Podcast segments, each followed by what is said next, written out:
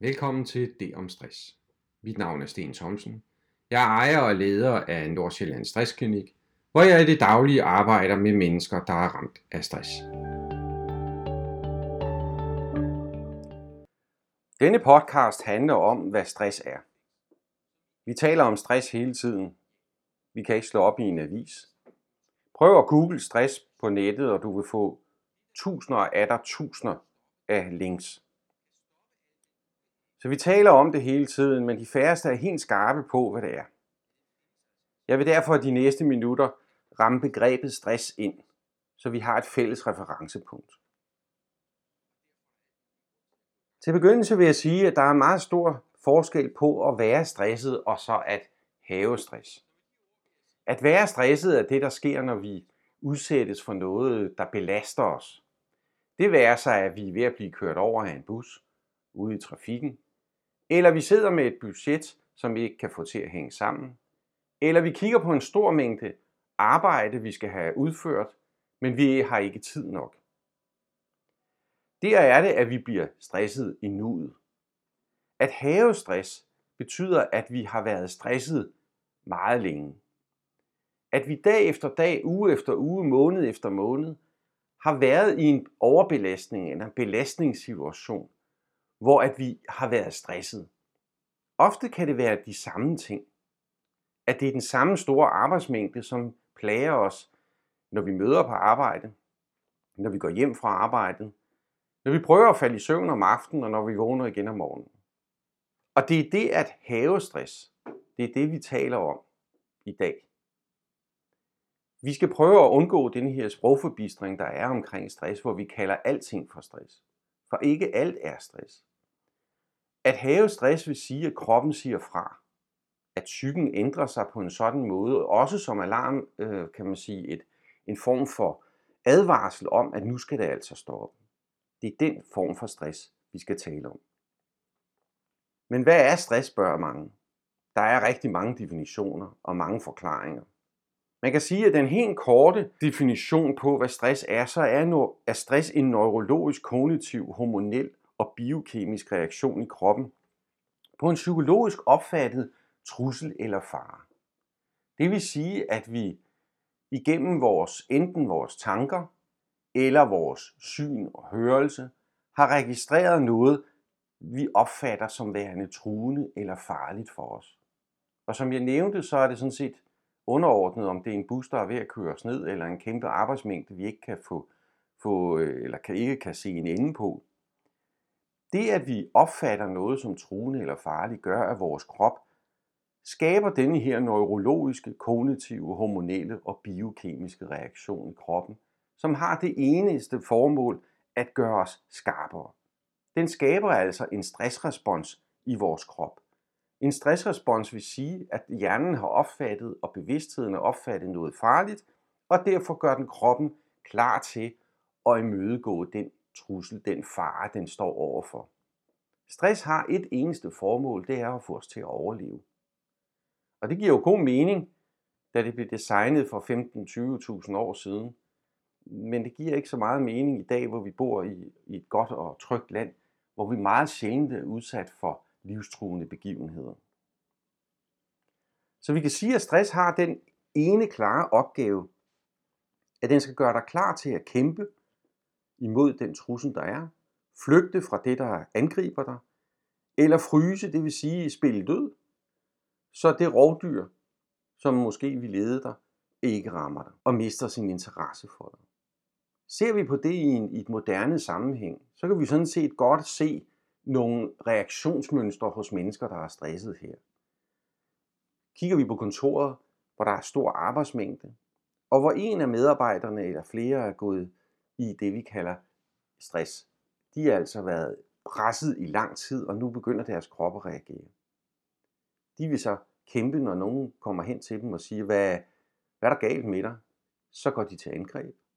Sådan verbalt, gudskelov. Det er sjældent, at vi begynder at slå på hinanden. Eller også så rejser de sig og forlader rummet. Eller de dykker ned bag store mængder arbejde, ned bag computerskærmen og lader som om de ikke er der. Så den stressrespons kroppen får, den skal altså styrke dig i nuet. Det der er afsindig vigtigt, det er, at den også skal stoppe efter kort tid. Vi er ikke designet til, at denne her stressrespons, den kører dag efter dag, uge efter uge, måned efter måned. Fordi så er det, at den vedvarende stressrespons, den vil svække os. Og den vil begynde at nedbryde os, både fysisk, men også til dels psykisk. Vores krop og hjerne ændrer sig rent radikalt. Vores blodover begynder at ændre sig i den måde, deres elasticitet blandt andet. Og vores hjerne, ja, der ser vi scanninger, hvor op mod 15 procent af områder i hjernen er skrumpet på grund af vedvarende stress. Så stress er altså kemi. Hver gang vi stresses, pumpes der adrenalin og kortisol ud i blodet. Og det sker desværre uden, at kroppen selv lige tjekker, er der nok derude. For man kan sige, hvis man bliver stresset om formiddagen af kl. 11 eksempelvis, af en stor øh, opgave, som man ikke kan få til at løse, så er der jo sådan set ikke nogen grund til, at den kl. 11.15 igen pumper stress ud, fordi vi igen ser, at jeg kan ikke det her, det er håbløst det her. Men det gør den altså. Vi har desværre ikke en måler, der går ud og siger, hvor meget er der allerede af kamphormoner, og men der er rigeligt i tanken, så vi behøver ikke at gøre noget. Sådan fungerer det ikke. De stresshormoner, vi pumper ud, hver eneste gang vi føler os truet eller i fare, på både bevidst og ubevidst niveau, ja, de forsvinder altså også igen, helt automatisk. Men det tager tid. Det er ikke noget, der sådan er væk 10 minutter efter. Og derfor er det, at hvis vi ikke bliver fri af dagens doser, så håber de her stresshormoner sig op i vores blod. Og så kan vi tale om, at vi reelt set bliver forgiftet af vores egne kamphormoner. Hvad er det så, der skaber denne her stress? Jeg skal kort komme ind på den i denne afsnit, og komme nærmere ind på det i kommende afsnit. Men stress afhænger på den ene side af de vilkår og belastninger, vi rammes af. Det vi oplever, det oplevede pres, det ansvar vi bærer på, eller mener vi har. Det kan også være sygdom, vedvarende konflikter. Det er både privat selvfølgelig, men også på arbejdspladsen. For store arbejdsbyrder, skilsmisser, dødsfald, blot for at nævne nogle få generelle ting. Og så afhænger det på den anden side af de reaktioner, vi har på de belastninger, samt vores evne, vores erfaring og ressourcer til at håndtere og leve med denne belastning. Og her i ligger der jo også noget af forklaringen på, hvorfor nogen går ned og andre ikke går ned med stress. Vi kan sige, at vores, vores øh, stress udvikles altså på baggrund af en påvirkning, som skaber en eller anden form for reaktion. Men vores reaktion den sker jo, altså man kan sige, mellem påvirkning og reaktion, så sker der jo en fortolkning, en opfattelse af, hvordan opfatter vi det her. Og hvor at chefen skiller ud, så vil nogen måske ryste på hovedet, nogen vil sidde og smågrine for sig selv, andre blive, blive bange og sige, puha, det er ikke godt det her. Tre forskellige opfattelser, som jeg i mit eget liv ofte har oplevet i, en, i et større forum. Vores opfattelser og fortolkninger, de baserer sig jo på de erfaringer. Har vi en erfaring med at håndtere en given situation, ja, så vil vores opfattelse af situationen også være en anden, end hvis vi er uerfarne på den situation, der opstår. Og endelig er det jo altså også vores værdier og vores personlighed, som danner baggrund for vores reaktionsmønstre. For at tage fat i det her og arbejde med denne her stress, det at gå ind og, og, og både at komme fri af sin stress, men også at forebygge kommende stress, ja, det handler jo først og fremmest om, at vi har noget viden. Så handler det også om, at vi har nogle værktøjer eller nogle redskaber. Men det er jo ikke nok. Vi skal jo også handle på det. Så det afhænger altså også af, at vi kommer i gang med nogle handlinger, vi gør noget andet end det, vi plejer at gøre. Og i sidste ende handler det jo også noget om de rammer, vi har. Hvis vi ikke får nogle rammer, eller skaber nogle rammer omkring os, som gør, at vi er i stand til at foretage de handlinger med de værktøjer og redskaber, vi har, på baggrund af den viden, vi har, ja, så bliver det jo ikke til så meget. Stress er altså en fysisk forandring, en belastningsreaktion, som skal styrke os i nuet, skal styrke os til at klare en akut fare, men som altså svækker os på sigt, når den bliver ved med at være når den bliver ved med at komme tilbage så er det, at det på et tidspunkt bliver for meget. Og denne her belastningsreaktion, som stressen er, ja, den går over til at blive en overbelastningsreaktion, hvor altså vi får ondt i kroppen. Stress er ikke en sygdom, men det er bestemt noget, vi kan blive syge af. Det viser al forskning. Vi skal passe på ikke at kalde alt stress, som jeg nævnte i indledningen. Stress giver mange fysiske symptomer. Alle disse fysiske symptomer kan jo altså også være noget andet. Så derfor skal vi selvfølgelig have lægen til at kigge med.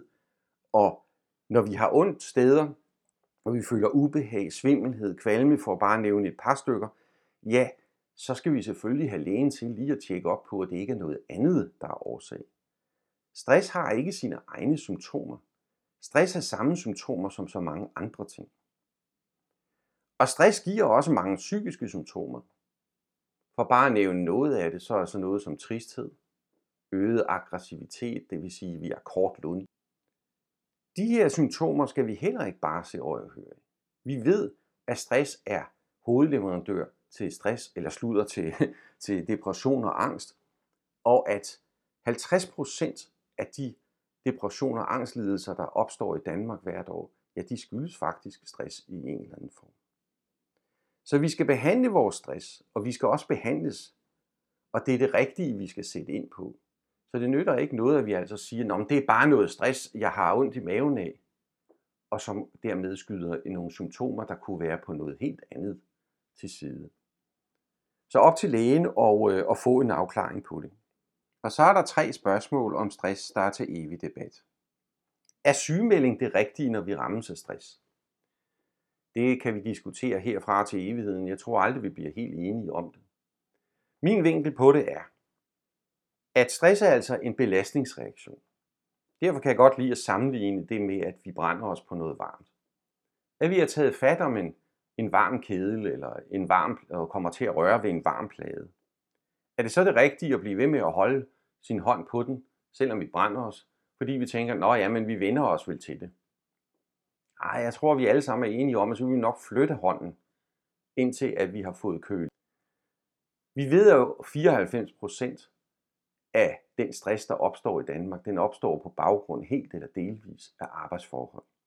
Så derfor kan det også give god mening at sige, at man må altså lige væk fra den der arbejdssituation, som altså har overbelastet mig, indtil jeg har fået styr på det, indtil jeg har fået belastningen til at falde, varmen til at forsvinde.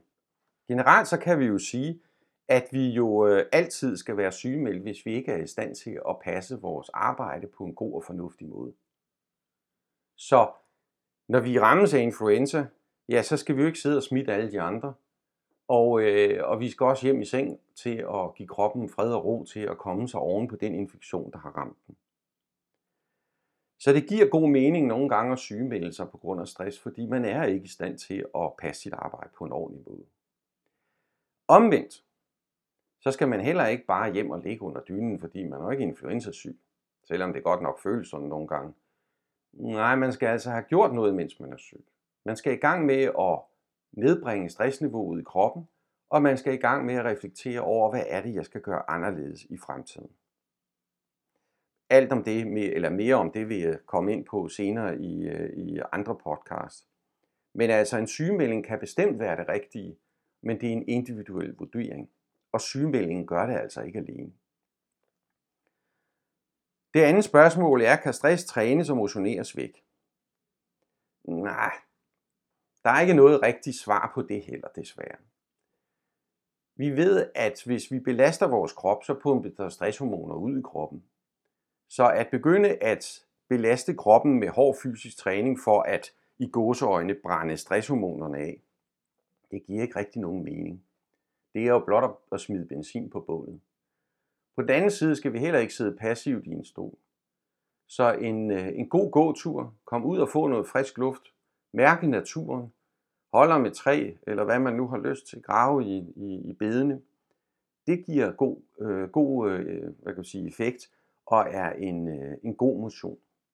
Men det at gå i gang med en hård fysisk træning for at brænde stresshormonerne af, ja, det er altså en, en, en skrøne og en myte, som ikke har nogen gang på jorden, som blot gør tingene værre. Og det sidste af de tre spørgsmål, vi altid debatterer, det er jo, kan stress måles? Der findes en masse stresstest på, på nettet. Der kan laves blodprøver og spytprøver. Blod- og spytprøver giver ikke nogen mening, det har Sundhedsstyrelsen konkluderet. Og derfor så øh, kan man sige, nej, stress kan, kan godt måles i et eller andet omfang, men det er en subjektiv vurdering. Så det er noget med at mærke efter. At mærke efter, hvordan har jeg det? Hvordan fungerer jeg? Har jeg de her smerter? Og der kan det være en hjælp nogle gange at tage de her stresstest, hvor man bliver stillet over for en række spørgsmål, man så forholder sig til. Har du mærket dit og dat? Hvordan er det med sådan og sådan? Har du for eksempel nedsat dit sociale øh, aktivitet de seneste uger og lignende? Stress opbygges altså over mange, øh, mange uger og ofte over flere måneder. Mit sådan gennemsnitstal er, at det er i hvert fald en 6 måneders tid, hvor vi har langsomt opbygget denne her stress. Så vi kan sige, at stress er en tilstand af fysiske forandringer, en tilstand, der belaster os, og en tilstand, der skal stoppe i tide. Til slut vil jeg sige, at det quick fix, som vi alle sammen søger, det vi gerne vil finde, det der lige kan fjerne vores stress lige nu og her, det som kan forebygge, at vi rammer stress, det er bare lige sådan. Det quick fix findes desværre ikke. Det var det, jeg havde valgt at bringe i denne første podcast om det om stress. Jeg håber, du har fået lyst til at høre mere og vil følge de kommende podcast, som jeg lægger op. Indtil da vil jeg sige tak for din opmærksomhed og pas nu godt på dig selv. thank you